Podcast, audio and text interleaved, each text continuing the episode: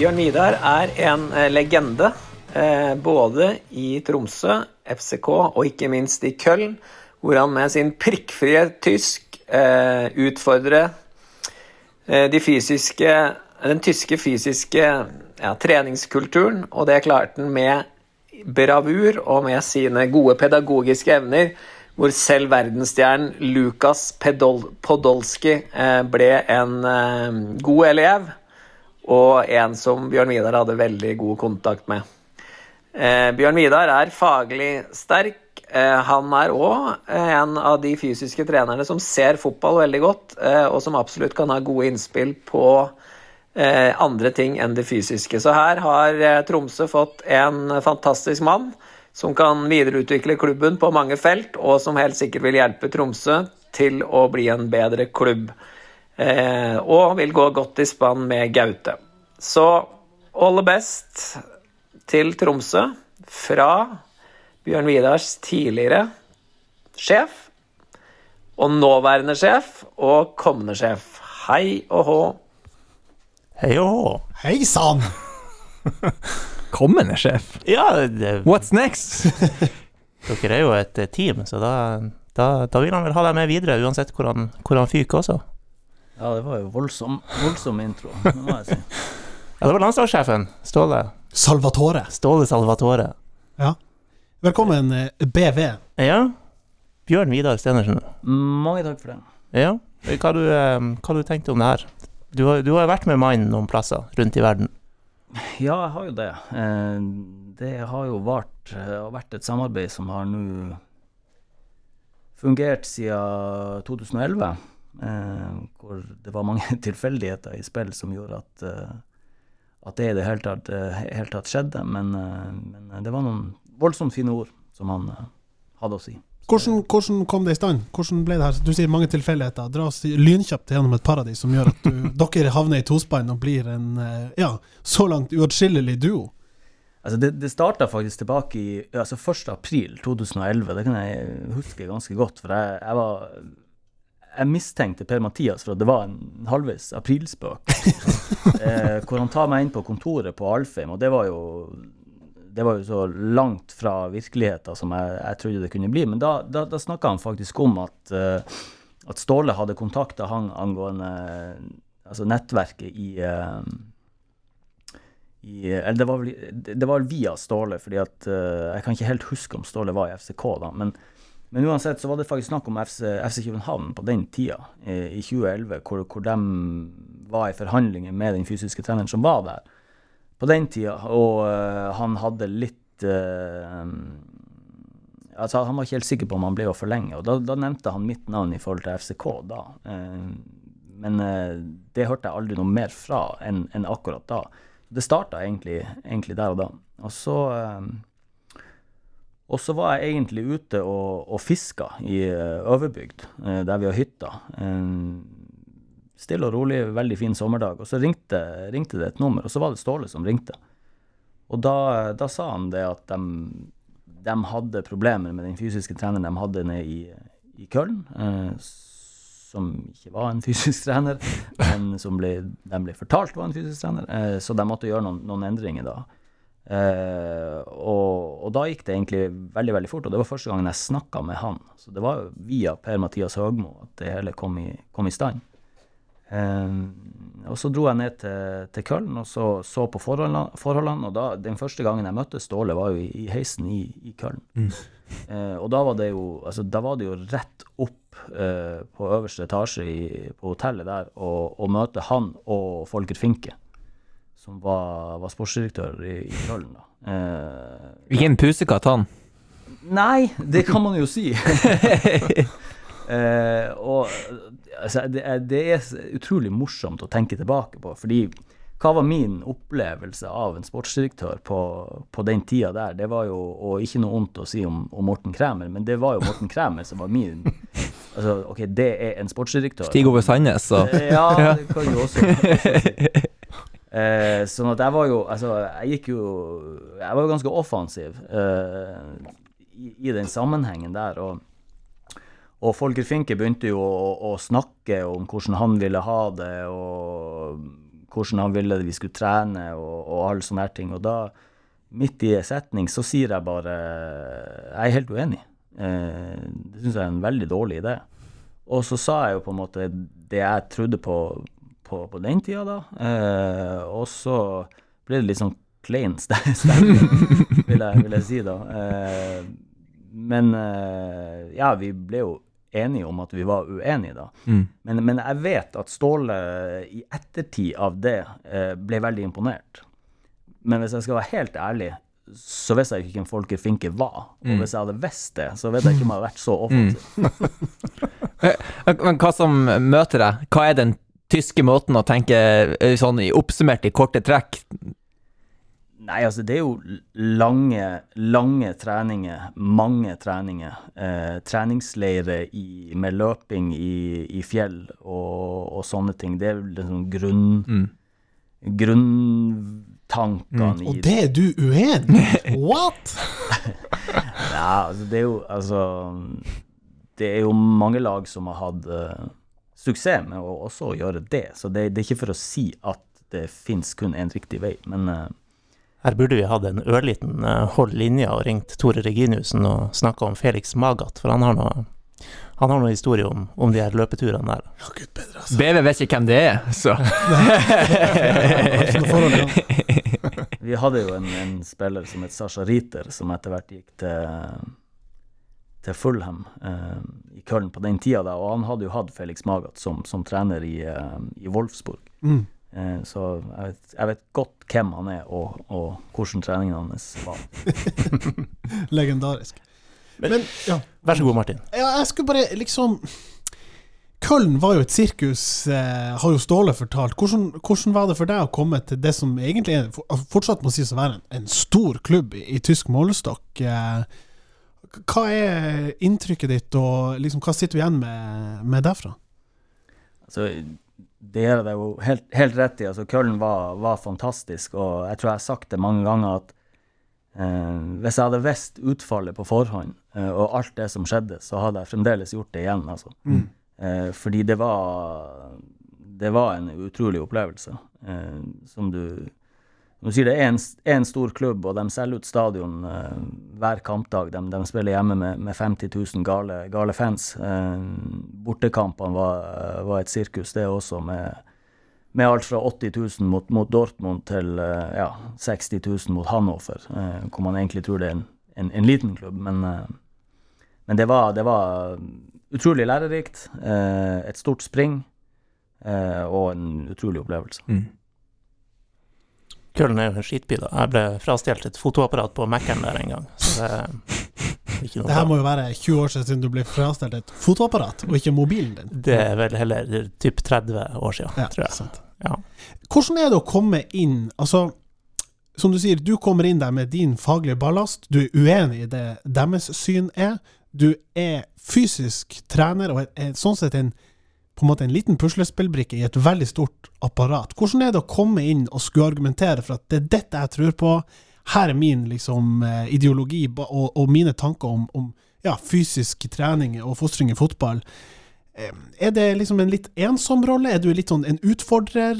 Eh, vi hører jo Ståle sier at du ser fotball eh, bedre enn andre på feltet, men hvordan er det å ha den liksom Å være, representere fagfeltet, som er på en måte snevert, og kan ofte bli sett litt ned på, litt sånn det er nå ikke så farlig, ut og springe i skog og mark, ikke sant? Altså for, Først og fremst så tror jeg at, uh, at det som hjalp meg der, er at eh, Ståle og, og Bård Wiggen sin, sin filosofi var, var ganske tett på den måten jeg tenkte på, på akkurat den tida. Eh, det ville nok ha vært mye vanskeligere å, å skape ei, ei stor endring hvis, uh, hvis vi var veldig langt fra hverandre. Og jeg tror også det var forutsetninger for at på en måte mitt navn kom opp i, i kabalen. da. Uh, at jeg hadde litt av de like tankene som, som Ståle sjøl hadde. Men, men når det er sagt, så handler det jo om, uh, det jo om å forføre, altså for meg. Altså det handler om å forføre trenerteamet, det handler om å forføre spillerne. I forhold til den, den, den filosofien du, du sjøl tror på. Men så handler det også om å kunne være altså tilpasningsdyktig. Mm.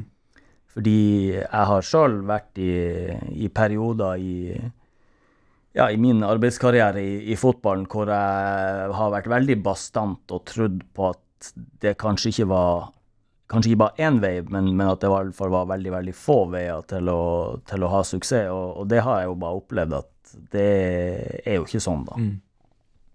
Men hva er, hvis du skulle prøve å pitche oss, hva er grunnsteinene i det du tror på? Hva er liksom eh, lynkurset i BVs eh, fysiske filosofi her? Nå er du på jobbintervju, du skal bli fysisk Ja, trener egentlig. for uh, Jeg vil høre hva la oss For si- før Ja, Forfør oss. seduces. Altså, jeg, jeg vil ha, har alltid, alltid vært veldig, veldig opptatt av uh, spesifisitet.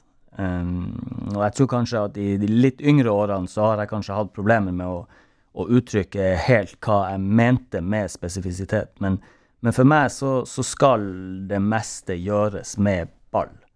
Uh, og det jeg legger med det, er fordi at bare innenfor det så finnes det jo mange forskjellige greiner av uh, trenere i forhold til hva de tror på. Noen tror på altså, integrert trening med, med ball, og du har tactical paradisation, og du har uh, ja, Paco Seirolo sin, sin structured training, som, som spunnet ut fra, fra FC Barcelona. Men, men det, det jeg mener, er at, at du er nødt til å, å tenke de, de fysiske kapasitetene til en spiller. Det må du blande med å ha en konkret spillidé, og så må du ha en, en strukturert læringsprosess eh, i tillegg. Og hvis du har de tingene, så, så har du en økt grad av spesifisitet. Så for meg så, så handler det om eh, også om det jeg, jeg kaller for specific actions, eller specific efforts. Sånn at selvfølgelig er jeg også der at, at jeg løper mellom to kjegler eh, med en spiller, hvis det er det som er den riktige beslutninga i, i mitt hode. Men helst så vil jeg at han skal presse midtstopperen som angrepsspiller, spilles tilbake til keeper, fortsette presset, spilles ut til samme stopperen, fullføre presset. At du får dine på en måte efforts i, i, i den sammenhengen. Så det er vel, det er vel grunnideene mine at, at en spiller er nødt til å forstå eh, når han skal yte en, en fysisk innsats, og i, i hvilke momenter. Og det må gjerne de ti andre også være med på. Eh, Er det, føler du det er nytt, relativt nytt i fotballen, det her med at fysiske trenere ikke bare er fotsoldater, men også en, en en, en, eh, eh, De besitter en, en kunnskap Altså at man ikke bare henter en fysisk trener for å utføre trenerens ideer i praksis, men også fordi at han har en, eh, han har en kunnskap som vi har lyst på. Jeg tror det er nytt i Skandinavia, iallfall. Eh, det er nok ikke like nytt i, i ja, kanskje på iberiske halvøy, f.eks. Italia og i tillegg, og sån, sånne ting. Der tror jeg det har vært ja, Brasil også, for den, den saks skyld. Der tror jeg det har vært gjort ganske, ganske lenge. Men, eh, men når det er sagt, så, så tror jeg også det handler om det trenerteamet som du er en del av. Fordi at noen ganger så er det jo også sånn at de har såpass bra kompetanse i trenerteamet at den rollen du spiller er mer en klassisk fysisk trener som kanskje leser GPS GPS-tall og, eh, og har et uh, overordna ansvar i, i styrkerommet for skadesforebygging og, og powertrening. Så det, det varierer veldig, men, men jeg tror veldig personlig på, og det er også den rollen jeg ser, meg, ser som, som jeg, hvor jeg får brukt mine beste egenskaper, er i, en rolle hvor, eh, hvor jeg kan på en måte integrere den fysiske treninga i, i, en, i en spillidé og, og være med på å designe øvelser og, og treningsuker. Og hvordan er da Du, du hinter kanskje litt til det, men, men da er du fornøyd med det samspillet dere har oppe på, på Alfheim i dag? Ja, altså helt, helt klart. eh, helt klart. Jeg har fått eh, bra med ansvar på, på det som går på, på treningsmetodikk. Eh, og så er jo det også et, et samarbeid, sånn at når eh, så vi har en idé om hva vi vil gjerne gjøre i løpet av ei uke. Eh, nå møter vi Bodø-Glimt som, som eksempel. Og så designer vi via øvelser da, som, som på, på noen områder gjør at vårt eget spill blir, blir sterkere, og, og enkelte andre øvelser er, er designa i forhold til å på en måte kunne møte Glimt sine styrker eller, eller svakheter. da. Um, så så det, det samspillet fungerer veldig bra. da. Eh, og, Og det jeg også tenker på da, er at, at, at det er et samarbeid mellom altså primært meg, Gaute og, og Jørgen, hvor vi, vi, vi deler ideer og, og kommer frem. Mm. Ja, for vi må jo presisere det at du er, du er jo ikke definert som fysisk Nei. trener i TIL-apparatet. Du, du er jo fotballtrener nå, rett og slett. Eller trener. Ja da, det, det, det er riktig, det. Eh, nå er jo ikke tittelen det, det viktigste, men, men For han Lars Petter er jo tittelen det aller viktigste, har vi jo skjønt. Så å si at titler oppe på Alvheim ikke ja, Ikke så mange sånne cuptitler, og sånn, men, men eh, jobbtitler, der er vi sterke. Ja, det må man LinkedIn. Si, eh, det må man si. Ja, han har fått mye tyn for den tiden. Ja, det med rette. Men dere er jo et eh, Vi var jo inne på det før vi gikk på lufta her. Eh, Det teamet som er oppe på Alfheim, og det har jo dere, Anders, i dag presentert eh, behørig i avisen. Det må jo sies å være et fryktelig sterkt team med kompetanse og ulike ferdigheter sånn på trenersida i år. Sitter du med inntrykk av at faen, det her er en bra, bra gjeng? Altså, nå, nå var det jo såpass sterkt at Anders ga jo hele fire, fire på terningen, så, så Jeg, jeg gir deg mulighet til å, til å kommentere det. Det var egentlig det jeg vil- ville ha her. Jeg tror ikke du, tror ikke du har mange CV-er på ja, LinkedIn, Jonas, som, som matcher den Og du gir jo ikke rom til å bevise noe. Altså, Gaute han har jo ikke, han har ikke ledet et lag i Eliteserien. Vi må gi han, gi han et år, så er han oppe på femmeren. Satser vi på.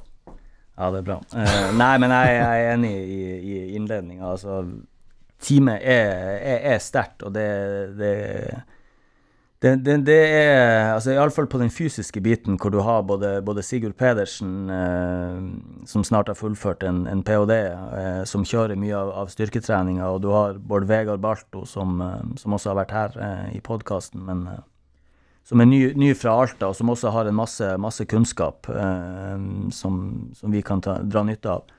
Og så har du selvfølgelig meg, da, og så har du Jørgen og, og Gaute, eh, som kanskje er dem som er mest trenerdefinert. da. Og så har du veldig mange støtteroller som, som bror, som står for alt det praktiske der oppe, og, og, i, og også i forbindelse med, med reiser, og Tom Erik på fysioterapien, og Jorid og Lars Petter osv. osv. Veldig, veldig veldig bra. Veldig sterkt team. Eh, veldig sterkt team sosialt også. Eh, så så det, det er nok noen år siden teamet har vært såpass godt eh, skrudd sammen. Tenker dere på det, Jeg snakka med flere forskjellige um, om det her. Tenker dere noe på at, at det ikke bare skal bli en sånn her sterk faglighet, som dere jo har mye av der? Uh, altså at det ikke blir for nerdete, for å si det sånn. Noen må ha de her motivator-humøregenskapene. Eller er det team manager som skal ta seg av alt, alt det der? Det er veldig viktig det du sier der, eh, fordi at eh, Gaute er en nerd, og Jørgen er en nerd, eh, og jeg er også av og til en kjempenerd.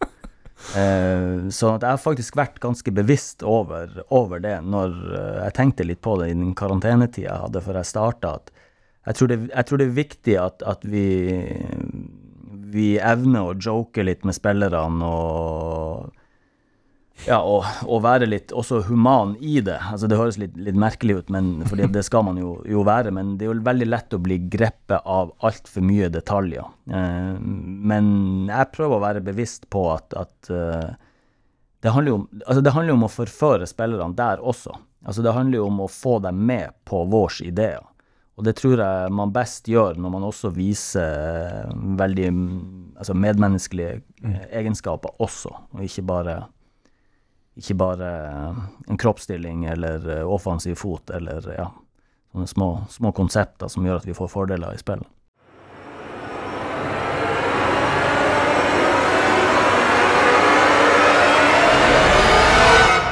Mølling, mølling, mølling.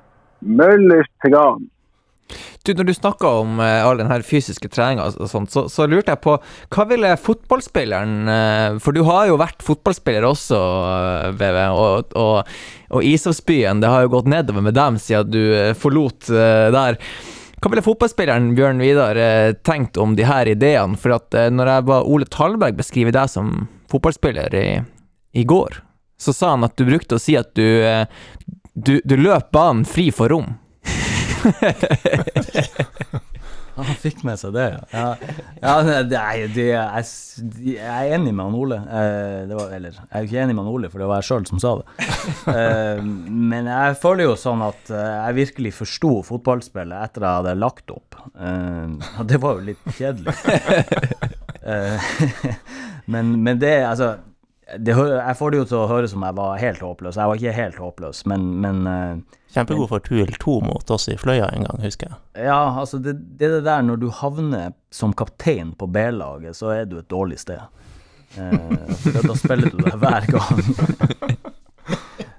men, eh, men, men ja, altså det, det er riktig det. Jeg var Jeg tror jeg, jeg, jeg gikk veldig godt overens med mm, en sånn halvannen sesong med, med Thomas Heide på sentral midtbane der, hvor, hvor han var Han gjorde eh, grovarbeid, og jeg, jeg løp veldig mye offensivt. Eh, så det, det var en sesong eh, eller halvannen hvor det fungerte veldig, veldig bra. Men, men helt, helt seriøst så mener jeg at jeg, at jeg virkelig forsto spillet noen år etter jeg hadde lagt opp, ja.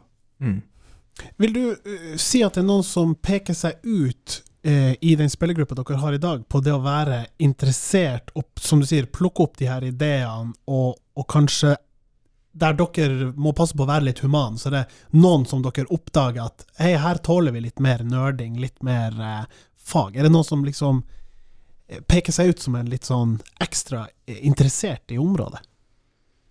Ja, det vil jeg jo påstå. Eh, altså, de, spillere er jo altså, Spillergruppa er jo skrudd sammen av 20 pluss individer, og det vil jo være, være stor forskjell på altså, mottakelighet Ja. eh, på enkeltindividnivå. Eh, altså, en, en, jeg opplever en spiller som, som Kasper Øyvand, f.eks., som veldig, veldig som en svamp. Altså, når du gir, gir feedback, så ser han deg i øynene, og han lytter, lytter veldig godt. Eh, så, så han er på en måte et eksempel på, på akkurat det. Men det betyr jo ikke at, at motsetninga til han er et problem. Eh, er- Overhodet ikke. Nei, nei, og, det, og, da, og da er det jo bare mer sånn at da må du finne den veien som virker, virker for han. Mm. Fordi at For noen så er det muntlig feedback som er veldig bra, for andre er det praktisk feedback som er enda bedre, for, for andre er det, er det videoklipp og, og, og sånne ting. Så det, det tenker jeg jo, det er jo derfor det er så viktig å komme under huden på, på spillerne og, og, og, ja, og bli kjent med dem, mm. så man vet hva, hva som fungerer for dem. For vi er der jo for dem. Ja. Eh, Jeg er jo ikke der for meg sjøl. Mm. I det du spør om, Martin, så har, har de jo en, en innkasttrener i spillergruppa, som nå blir kaptein, Ruben. Så han, eh, han må vel sies å liksom være involvere seg litt i, i det fotballfaglige, da. Nei, men det, det, det du sier er jo, det er jo kjent for alle. Det er forføring hjelper, samme forføring hjelper ikke på, eh, på de samme personene. Det vet vel alle som har lest The Game og prøvd å dra ut på, på byen senere med, med påfugleffekten. Påfugleffekten der. Ja, uten, sammenligning for øvrig. Jeg syns det har vært mye snakk om forføring her, og det er jo du Glem å forføre med ball, det er jo Her skal det Ja, må bruke alle. Det er en boktittel her Ja, ja, i ja. Forføreren. Jeg vet ikke hva det er på tysk. Der fyrer. Der forfyrer, ja. Ikke forstyrr forfører. Bare litt tilbake til et lite drypp av det eh, Ståle sa i, i, i introen her. Eh, Lukas Podolsky, var, var det noe i det han sa? Du fikk en bra eh, relasjon der? Mannen som har, har sine egne kebabvogner i, i Køln og, og omegn, så vidt jeg vet. Ja, det, det, det er riktig, det. Han har vel, eh, han har vel i hvert fall fem karnevalvogner eh, i eh, ja, det største karnevalet i verden utenfor Rio, har jeg blitt fortalt. Ok. Eh, jo da, det, det stemmer det, det Ståle sier. Altså, han kasta meg jo rett på dypt vann. For jeg tror min, min andre arbeidsdag der, så, så sendte han meg ut i, i skogen og løpe med, med Lukas Podolsky i 40 minutter som restitusjonstrening etter han kom fra, fra landslaget. Eh, og Lukas gjorde det jo ganske klart at han hata å løpe, og spurte hvert minutt om ikke heller kunne sykle. Så det ble litt sånn sink or, or swim. Men, men eh, altså, jeg tror bare min filosofi har vært uansett hvem det er du snakker med, så er det jo, det er jo et menneske. Og det høres jo litt sånn teit ut, men og man er jo klar over at han er og var ei superstjerne på, på, på den tida, men, men hvis du er deg sjøl og stoler på de, de verdiene og de ting du, du tror på, så er det veldig lett, i hvert fall mye lettere å få, altså få eh, folk på de sida og tro på det du, oi, det du sier og gjør. Så, så vi, fikk et, vi fikk et godt forhold. Eh, ikke så godt forhold at vi gikk ut og spiste middag sammen, med, men, men, eh, men vi snakka en del, del sammen. Og, og, jeg husker den, den, dagen etter vi hadde fått sparken, hvor jeg var på, på Geisbukheim og, og leverte noen ting. Og da, da, var det én spiller som ropte fra treningsfeltet på altså mitt navn, da. Og det var, det var Lukas Podolsky, hvor han på en måte holdt opp hånda og ga meg, ga meg tommel opp, da. Så det, det, var et godt minne. Men det var vel dere, eh, ikke du personlig, men eh, dere som, som bestemte at Podolsky ikke skulle være eh, kaptein lenger i Köln. Det ble en stor greie. Det var etter en tur i, i skogen med han at du bestemte det? Sydpeis skal ikke være kaptein. ja, altså, først og fremst så kom jo det Den, den avgjørelsen var jo tatt før jeg kom ned til, til Tyskland. Den ble jo tatt ganske, ganske tidlig. Men altså, jeg har alltid opplevd den, den historia der som egentlig veldig overdreven. Eh, fordi at Altså, Lukas var jo kaptein selv om han ikke hadde kapteinsbindet rundt, uh, rundt, armen. Altså, han var den første som gikk ut av uh, spilletunnelen til oppvarming. Han var den første som takka fansen. Uh, ja, rett før kamp eller rett etter kamp. Uh, så han var jo i teorien kaptein, og jeg tror på en måte Ståle sin idé om å gjøre det, var å eh, på en måte få flere ledere inn i, eh, i troppen. Og så tror jeg, og det tror jeg Ståle er helt enig i sjøl, at, at det, det, valget han falt på, var nok ikke det mest heldige valget. Og så tror jeg også han tenker om, om, om i det hele tatt det var, det var noen idé å gjøre det i, i etterkant. Men men det var jo ikke så veldig mange naturlige ledere å ta av uh, i den spillertroppen på det tidspunktet. Det var det, var det ikke.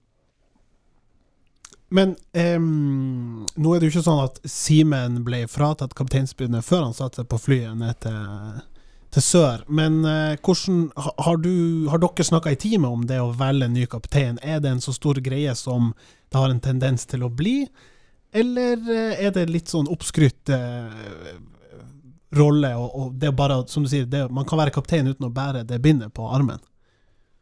Jeg tror det igjen kommer litt an på den spillergruppa du har i forhold til uh, antall ledere og sånne her ting. fordi at vi, altså vi trenere snakker jo om, om, forskjellige typer kapteiner. Du har, den, du har den stille lederen, som er med eksempel. Du har, du har den sosiale lederen, som kan være en annen type kaptein. Og så har du på en måte den, den, den, klassiske kapteinen som dem eh, Altså Mann i gata refererer som en kaptein som kanskje er mer i, i Thomas Heide-kategorien, eh, som er den, den verbale kapteinen, da. Eh, så det, det, kommer litt an på hva du har bruk for i gruppa, eh, og hvilken type spillere du, du har. Men, men det, det, er jo viktig å ha ledere i, i spillergruppa som går fremst og, og stiller krav. Og det er også viktig for et trenerteam å ha noen å spare med og snakke med. For nå har vel eh, klubben kommunisert at Ruben tar over den formelle rollen som, som kaptein, og så er vel Kent Are nevnt som en sånn visekaptein, som du vel må oppnevne formelt sett. Ja, og så har du Mr. Eh, Suit Jensen også inne i eh, kapteinsteamet. Ja. Så skulle det vurderes om en til kommer inn etter at Simen dro, men det var vel ikke helt klart enda. Nei, men da må vi jo spørre, Bjørn Vidar, som du sier, altså det med å ha Det er viktig å ha folk som, som tar det ansvaret og, og legger lister på ulike plan, både treningsinnsats og, og oppmøte og ja, fans nevner vi. Og, og de siste dagene, når Wangberg-kjøpet ble eh, offentliggjort, så dukka det opp veldig mye sånn Man blir jo ofte litt sånn sentimental når en spiller som er såpass godt likt, eh, forlater. Men hva gjør du der slags tanker om det som på papiret er salg av kaptein like før seriestart? en figur som har ja, gjort seg eh, godt likt på utforbanen, i spillergruppa, med fans. Eh, åpenbart har vært en, en flott kapteinsfigur. Hvordan, hvordan, er det like kritisk som mange, mange betrakter det som? Altså, du berører jo noen, noen sentrale punkter i forhold til, forhold til timing. da. At den timinga er jo ikke, ikke den beste. Eh, men det er klart at altså, i, i, fotball så, så er timing av og til et vanskelig ord. Fordi at det var nå det kom et, et bud med, med ganske stor totalramme, eh, hvis du har lønn inkludert, som, som er viktig for, for TIL på, på, lang sikt. Så, så jeg tenker at, at eh, Jeg kan godt forstå at noen syns det skurrer å, å gjøre det, men eh, jeg er ganske trygg på at for TIL på, på lang sikt så er det, er det nok riktig løsning å, å gjøre. Og også på kort sikt så har vi jo altså vi har jo en god erstatter for Simen på, på kort sikt, så akkurat den biten er jeg ikke så nervøs for. Jeg kan heller være nervøs for hvis vi ikke eh, evner å få inn eh, erstattere. Eh, fordi da, da blir vi jo selvfølgelig tynnere. For nå har dere Amundsen og Kasper Svampen Øyvand. Altså Amundsen, Øyvand, eh, Anders Jensen og, og Jostein er jo dem som ligger nærmest til å spille eh, tre, eh, de tre midtstopperne nå. Ja. Og så er det jo noen som har nevnt at Kent Are Antonsen kan figurere der, men sist jeg hørte, så var Ikke han som nevnte det. for- uaktuelt for den gutten å gå ned i en sånn trebackslinje igjen. Det skulle man ha seg frabedt. Ja, det er vel ikke ønskelig verken for han eller, eller laget sin del, tror jeg. Nå får vi nå først håpe han kommer seg på banen. Han har jo et kne som eh, Ja, og, plager og han. hvem sitt ansvar er det, BV? Er det du eller uh, Rikardsen som må opp i ringene der? Og, eller Jorid må inn med noe kortisonsprøyte, eller hva som er Jeg syns det er mye mer interessant å spørre hvem det er sin feil, og da skylder vi helt klart på Tom Erik. Ja, ja. Nei, men da har vi den adressert. Det, er- det er greit. Men, men eh, det må jo være et aspekt som dere, særlig sånn fysisk, fysisk trening og, og ruste spillerne til en eh, historisk tight sesong. Eh, oppkjøring litt sånn variert. Eh, en Tynsdal, som vi har vært inne på. Eh, gjør dere noen spesielle grep for å kan du si, styre unna flere skader, eller sikre spillerne mot å gå på en smell nå i, i, i børjan? Og ikke minst, eh, dere har jo en spiss dere må pakke inn i bobleplast, helst, for at han skal spille kamper. Det blir jo i, i samme leia, da. Samme spørsmål, egentlig. Hva gjør dere for å Altså for, å- for, å svare på det første spørsmålet, så eh, så tror jeg jo TIL er i ganske gunstig posisjon, fordi at de har trent siden, siden 15. Og hvis man ikke rekker å bli fit fra 15. januar til 15. mai, så Da kan vi stryke all den kompetansen som er på papiret i eh, fysisk team, det er helt sikkert. så skal Gaute og Jørgen i hvert fall forklare noen ting. Nei, men eh, Så det er jo det første. Det, det tror jeg, hvis du sammenligner med, med en del andre klubber som vi konkurrerer med, så, så tror jeg vi har et fortrinn der. Fordi vi har kunnet holde på litt i, i ro og fred her oppe, og, ikke, og vært en del skåna for de verste restriksjonene som, som de lag sørpå har hatt. Eh, når det gjelder Anders sitt spørsmål, så, så klart. Eh, det finnes noen enkeltspillere med noen ting som vi er nødt til å, å passe på, og, og der må vi gjøre noen, noen tilpasninger. Men, eh, men det, det er utrolig viktig at vi, vi utvikler spillerne til å kunne tåle mer og mer trening, sånn at vi, vi kan påvirke dem i de spillideene vi vil ha, mest mulig i løpet av ei uke. Og der er vi ikke helt i mål ennå, men, men det håper jeg vi kan fortsette å utvikle på eh, i, eh, i, i år og, og neste sesong, egentlig. Mm. Få få et inside-tips, da. Hvor stor prosentandel av kampene spiller Runar før han eh, etter planen skal tilbake til sommeren? Hva er det han skal tilbake? Er ikke det juli da? Jeg er ikke 100 sikker. La oss si det er ti kamper, da, bare for å ta et tall. Hvor mange av de starter han, og fullfører han? Da tipper han starter syv kamper. Ok. Og fullføre fire av dem, kanskje? Ja, men det er jo også et interessant poeng. Uh, ja, fem, sier vi. Ja. Det er ikke Det- så gærent, det, da. Virkelig ikke.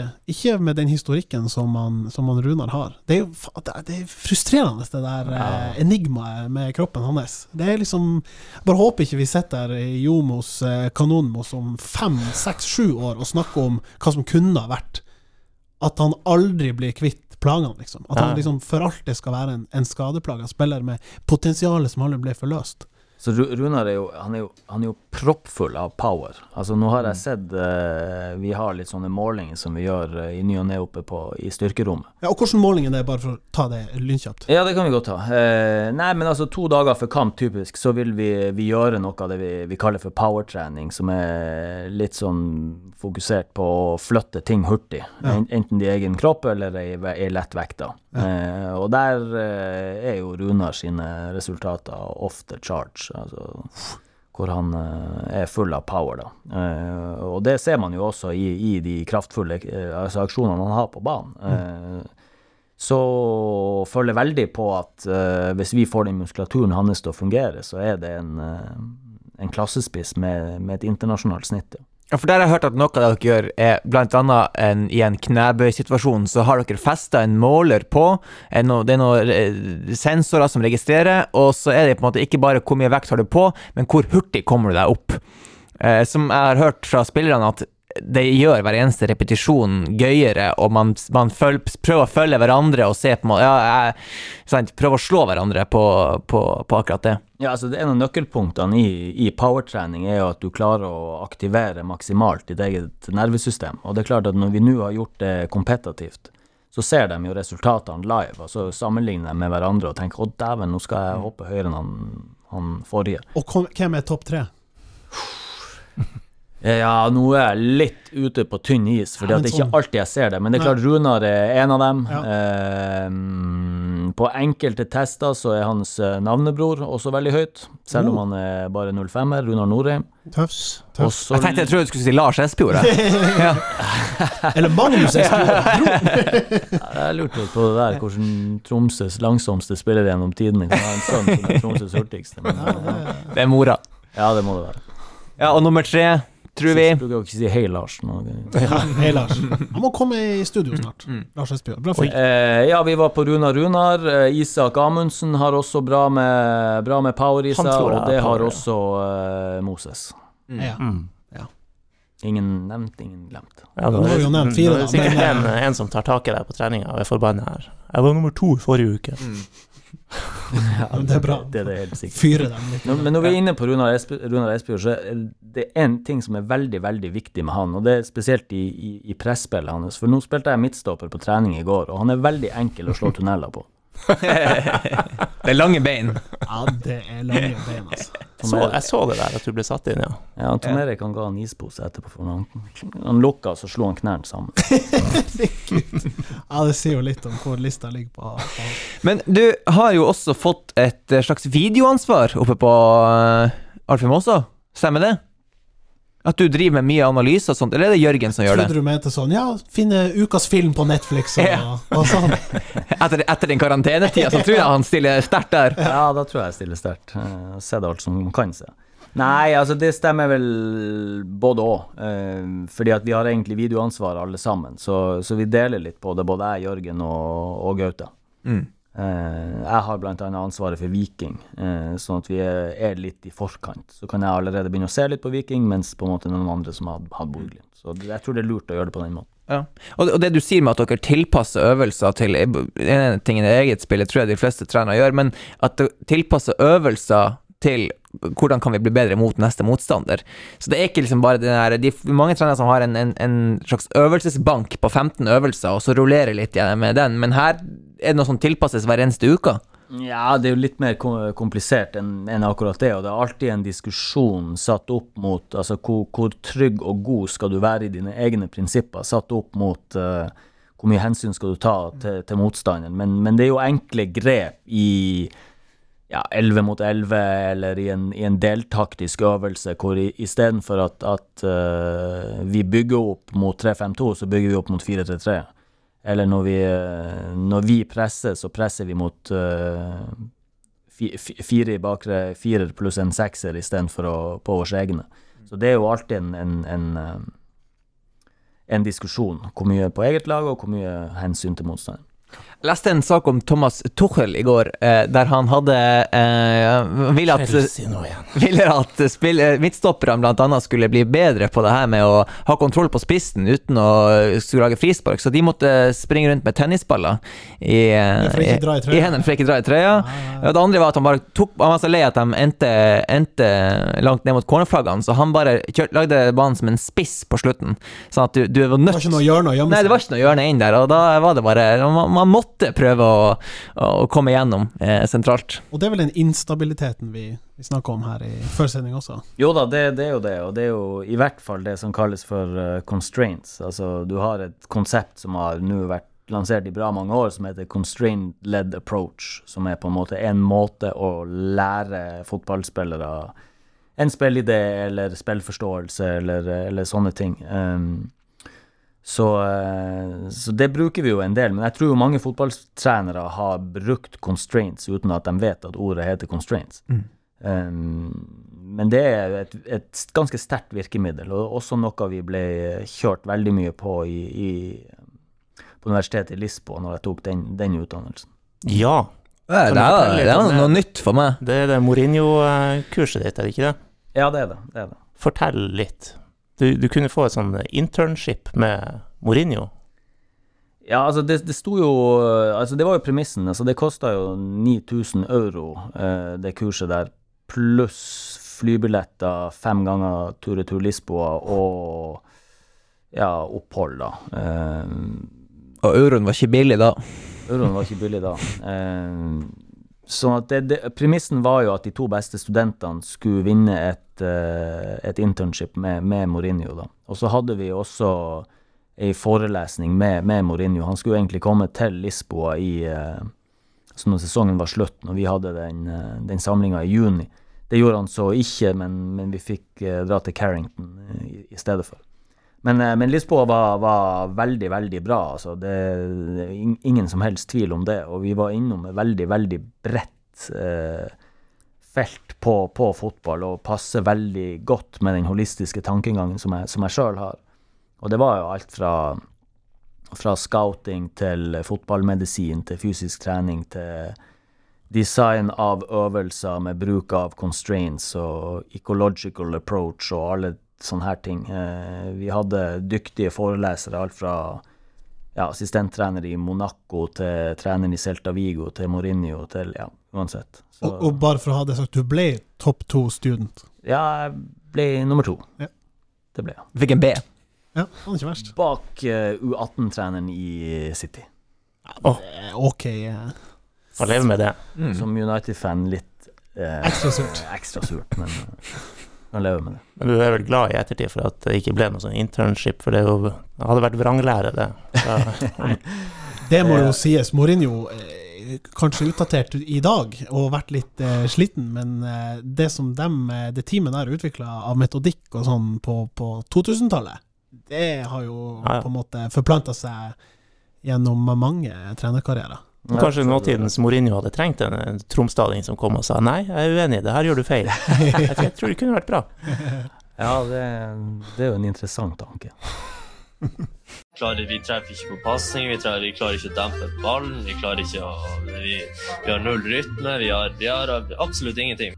Ingenting å stille opp med her i dag. Kvaliteten er for dårlig, eh, utførelsen for dårlig, alt for dårlig. Og. Når man ikke tror at det kan gå verre, så, så, så, så kommer TIL å å overraske og vise at det, det, jo, jo da, det, det kan det. Eh, Anders, vi har jo fått litt eh, questiones fra eteren, har ikke vi det? Ja, eh, hvor vil du begynne? Du Midten. med- Kanskje midten. Kanskje midt på. Midt på. Jeg drar fram noen fra hatten her. Ja, vi kan dra frem noe fra hatten. Vi kan begynne med Andreas Nyheim. Han lurer på hvor mye det hjalp å være med Martin Rypdal på sprinttrening på slutten av 90-tallet. Og et spørsmål til, hvilke andre idretter ville du oppsøkt for å lære som ung utøver i dag? Oh, Ta, var- ta Rypdal-sporet først her. Og så det interessante. Ja, altså Han er for øvrig nå fotballtrener for et helsikes bra 2011-lag i Hamna. ja, er gode. Han er flytta tilbake til Tromsø. Ja, Ah, det visste ja jeg da. Blir vi å ses, fordi jeg har en gutt som er født i 2011. Ja, se der. Da blir dere stygge på linja der. Da blir det aggressivt. Ja. Eh, hvor vi var? Eh, Martin Drypdal. Eh, ja, eh, det er riktig. Jeg trente litt med, med han. Det var vel i 2000, sånn jeg kan huske det. Jeg sa jo at jeg løp alle rom, altså alle rom på banen tom, men ikke i særlig stor fart. så, eh, så klart, eh, det var en tanke jeg hadde, og jeg husker ikke helt hvem det var jeg gjorde det da, men kunne det vært Rudi Thomassen eller noe sånt? Jeg litt usikker faktisk, men eh, jo da, det funka det, men jeg ble ikke så mye ble ikke så veldig mye bedre på banen. Det, det, det gjorde jeg ikke. Så det, det var svar på det. Det andre gjaldt jo sånn allsidighet. Er det noen andre idretter du ville sett til nå hvis du var ung? eh, Allsidighet er noe som jeg tror veldig, veldig mye på. Eh, og jeg lagde jo en sånn her athletic development plan eh, nede i FCK, helt nede i, til U8-alder, da. Og, og der sa jeg jo at helt frem til i hvert fall de var tolv år, så skulle de drive med, med altså multiidrett én til to ganger i uka. Så, så det, det er noe jeg tror, tror veldig, veldig på, at, at man ikke spesialiserer seg for tidlig. Um, og eh, ja, for å bli spesifikk med det, så skrev jeg vel i, i det dokumentet, så, så har jeg trua på å drive med friidrett, jeg har trua på å drive med turn, jeg har trua på å drive med parkour. Det tror jeg er, er, er veldig bra å utforske din egen kropp og, og, og bli kjent med ja, hvilke grenser den, den egentlig har. Jeg tror den parkourlinken er jo særlig sterk i målfeiring. Når du skal hoppe over tribunene og liksom opp på skiltene der og Ja, hvor er det, når du har kledd på deg shortsen og, og, og fått svettebåndet opp på panna og sånt, hvor du ville i Tromsø bedrevet parkour? Hvor er liksom uh, prime spot. Ja. Er det domkirka? Er det Tenk opp på Tinn, der den steinura opp der, som er ganske, ganske giftig. Skal vi ta en quickfire fra eh, Marius Tuil Bratli, eller skal vi ta et spørsmål fra Tom Høgli? Ta begge. Ta begge. Én om gangen. Start på, start på midten. Hva tar vi først? Start på midten. Ok, vi tar Marius Tuil Bratli, da. Mm. Ja, han spør jo for så vidt om ditt forhold til Folker Finke. Det har vi kanskje vært innom. Jeg vet ikke om det er noe, noe mer Han vet jo ikke hvem det er, så det spiller ingen rolle. Ja, men fikk du myka han opp? Nei, det, det tror jeg var umulig. Altså, Folker Finke var jo en av dem som innførte moneyball i Tyskland, med i Freiburg, hvis jeg, hvis jeg har lest riktig i etterkant på hvem, hvem han var. Han, har jo, han er jo et stort navn. Ja. Men det er jo Jeg, jeg husker jo ei historie om Folker Finke. Det var, eh, det var i vinduet i januar, altså transfervinduet, hvor vi eh, hadde veldig, veldig lite penger til å gjøre noe, noe som helst, da. Eh, og da hadde, da hadde eh, Folker Finke kjøpt uh, nordkoreanske Rooney. Chong. PC eller Ja. noe sånt. Og eh, ja, jeg husker at jeg kom inn på trenerkontoret til, til Ståle, hvor Ståle sier I don't want him. hvor Folker Finke sier But that's all you get. Så ja. eh, Work with it. men ja. hvis, hvis, hvis det hele var en konkurranse, så, så vant nå iallfall vi over han, for han ble sparka for oss. Han var vel noe midlertidig trener før dere kom inn. Tror jeg. jeg tror han hadde et uh, manageransvar der. Ja, det hadde han nok, og han var vel landslagstrener for Kamerun i VM i Riktig, det kan stemme, ja. 14? Kanskje. 14? Nei, 10 kunne det ikke vært. 14. 14 må det ha vært, ja. Brasil. Men eh, ja, neste spørsmål fra Marius. Eh, beste medmenneske av alle i Tuil? Eh, Litt off guard her. Quick fire. Quick fire. altså, jeg, jeg, jeg er nødt til å svare, og, og jeg mener det også. Det, det er helt klart han Tom Erik. Eh, Jeg og Tom Erik har vært uh, tett siden vi var 16 år. Og vi var også, også rom, romkamerater. Eh, På, på både treningsleir og bortekamper i, i Tuel. Så, så jeg vil helt klart si, si Tom Erik. Men, men Tuel-tida var, var fantastisk. så Jeg kunne ha nevnt mange, mange navn. Altså. Alle, alle fysioterapeuter har jo en veldig sånn hangup på én ting. Kan man si at Tom Erik han er veldig glad i at det skal trenes hofte. Hoftemuskulatur. Og er det et ordspill på ofte der? Altså, er det Ligger det noe i, i frekvensen Å oh, ja.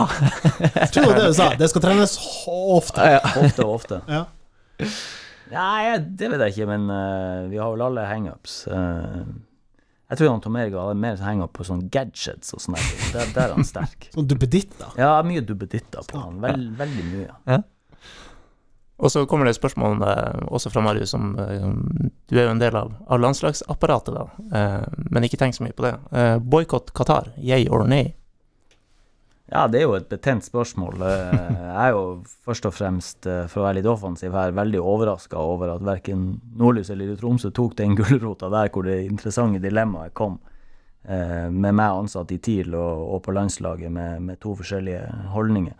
Men personlig så er jeg ikke redd for å si at jeg er ikke for boikott. Det, det, det er jeg ikke. Og jeg er også heller ikke redd for å si at, at, at jeg har ikke satt meg inn i alle vinkler og, og, og løsninger og informasjon i det. Men, eh, men i forhold til den informasjonen jeg sitter med i mitt eget hode, så, så er jeg usikker på om det er det riktige virkemidlet eh, for de fremmedarbeiderne i, i Qatar. Men Det- hvordan var det å være en del av, som du sier, du har en fot i hver leir her, men det å kanskje den største demonstrasjonen i en fotballsammenheng som kom til uttrykk på banen på, på veldig lenge, det må jo ha vært veldig interessant å være en del av.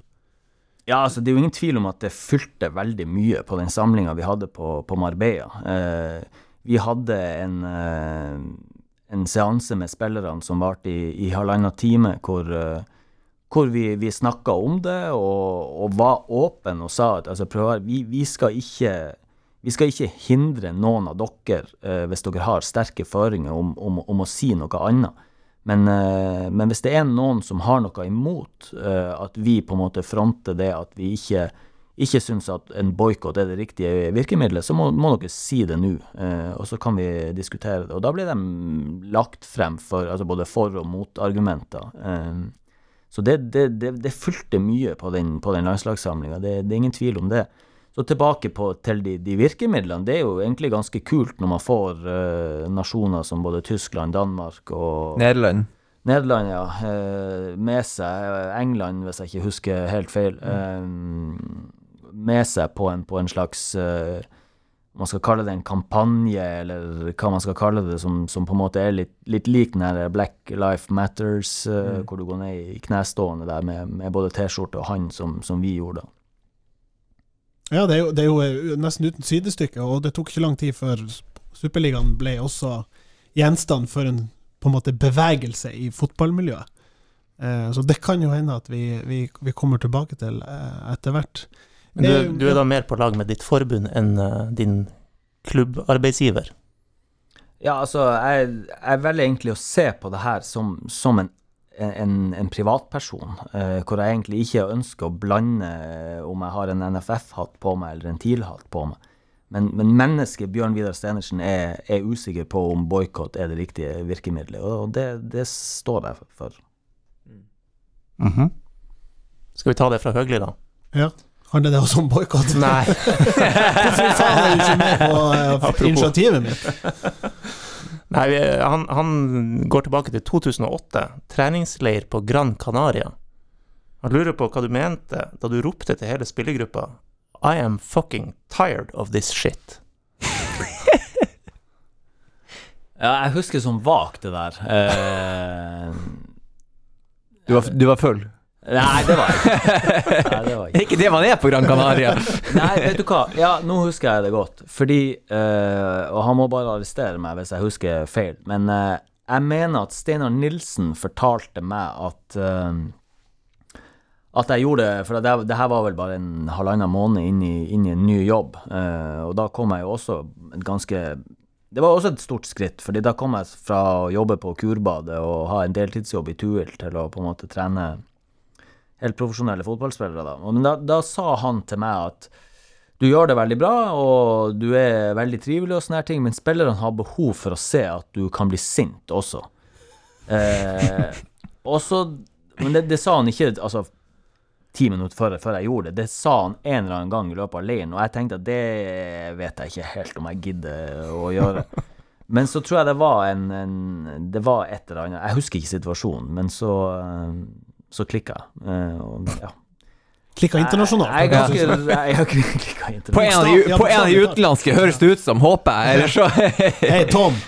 Fucking tired of this shit. Det var sikkert på han Tom, Fordi da hadde han sikkert spist lasagne til frokost igjen, som han gjorde på den tida. Gud bedre, altså. Pølsetom nede på Utsikten Narvesen der. Sto og stappa i seg den ene vinen etter den andre.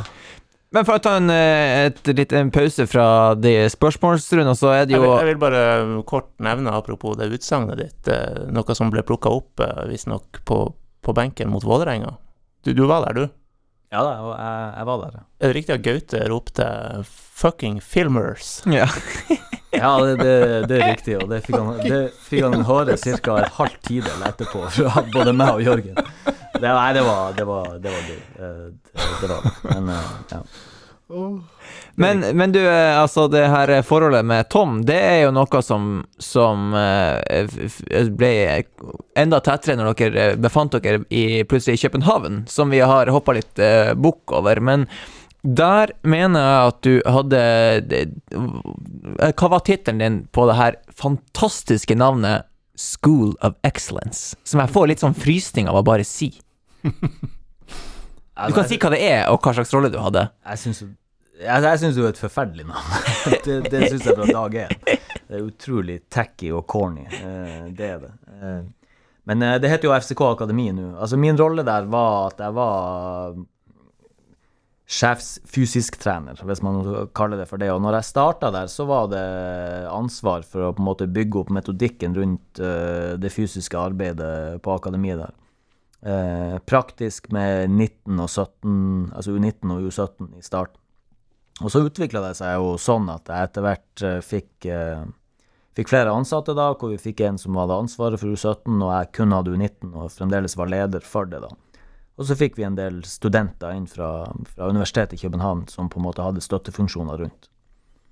Eh, men det var, som jeg har sagt i intervju både med, med Nordlys og, og deres konkurrent, at eh, det var helt VG. fantastisk. VG, ja. New York Times, tenkte jeg på. Men uh, det var helt fantastisk, fordi at uh, det var noen helt fantastisk herlige mennesker i den klubben, uh, også på akademisida, spesielt som, som jeg var en, en del av. Jeg ble kjent med mange forskjellige typer trenere og lært mye fra de trenerne. Og ja Flott tid. Men er det mulig å tenke seg at det her er overførbart til TIL? Eh, skalere opp eh, ungdomsbarnesatsinga og implementere de her type planene på samme nivå, eller er det for store forskjeller i måten man betrakter barne- og ungdomsidrett på? Mm, Ja, jeg tror nok du er inne på noe riktig i det siste du sier. Det er store forskjeller når du eh, selekterer på U8. Eh, så det, det, allerede der har man jo en debatt som kan vare noen timer. Eh, men hvis man tenker sånn isolert på, på mitt område, så ser jeg ikke noen grunn for at man ikke kan tenke i forhold til Vi var inne på det her med, med multiidrett og allsidighet. At man kan tenke litt inn de tankene på, på de yngre spillerne, og at man kan eh, man kan tenke Bård Vegar inn i en rolle hvor han på en måte kan, kan følge den utviklinga der mer strukturelt enn det som har vært gjort tidligere.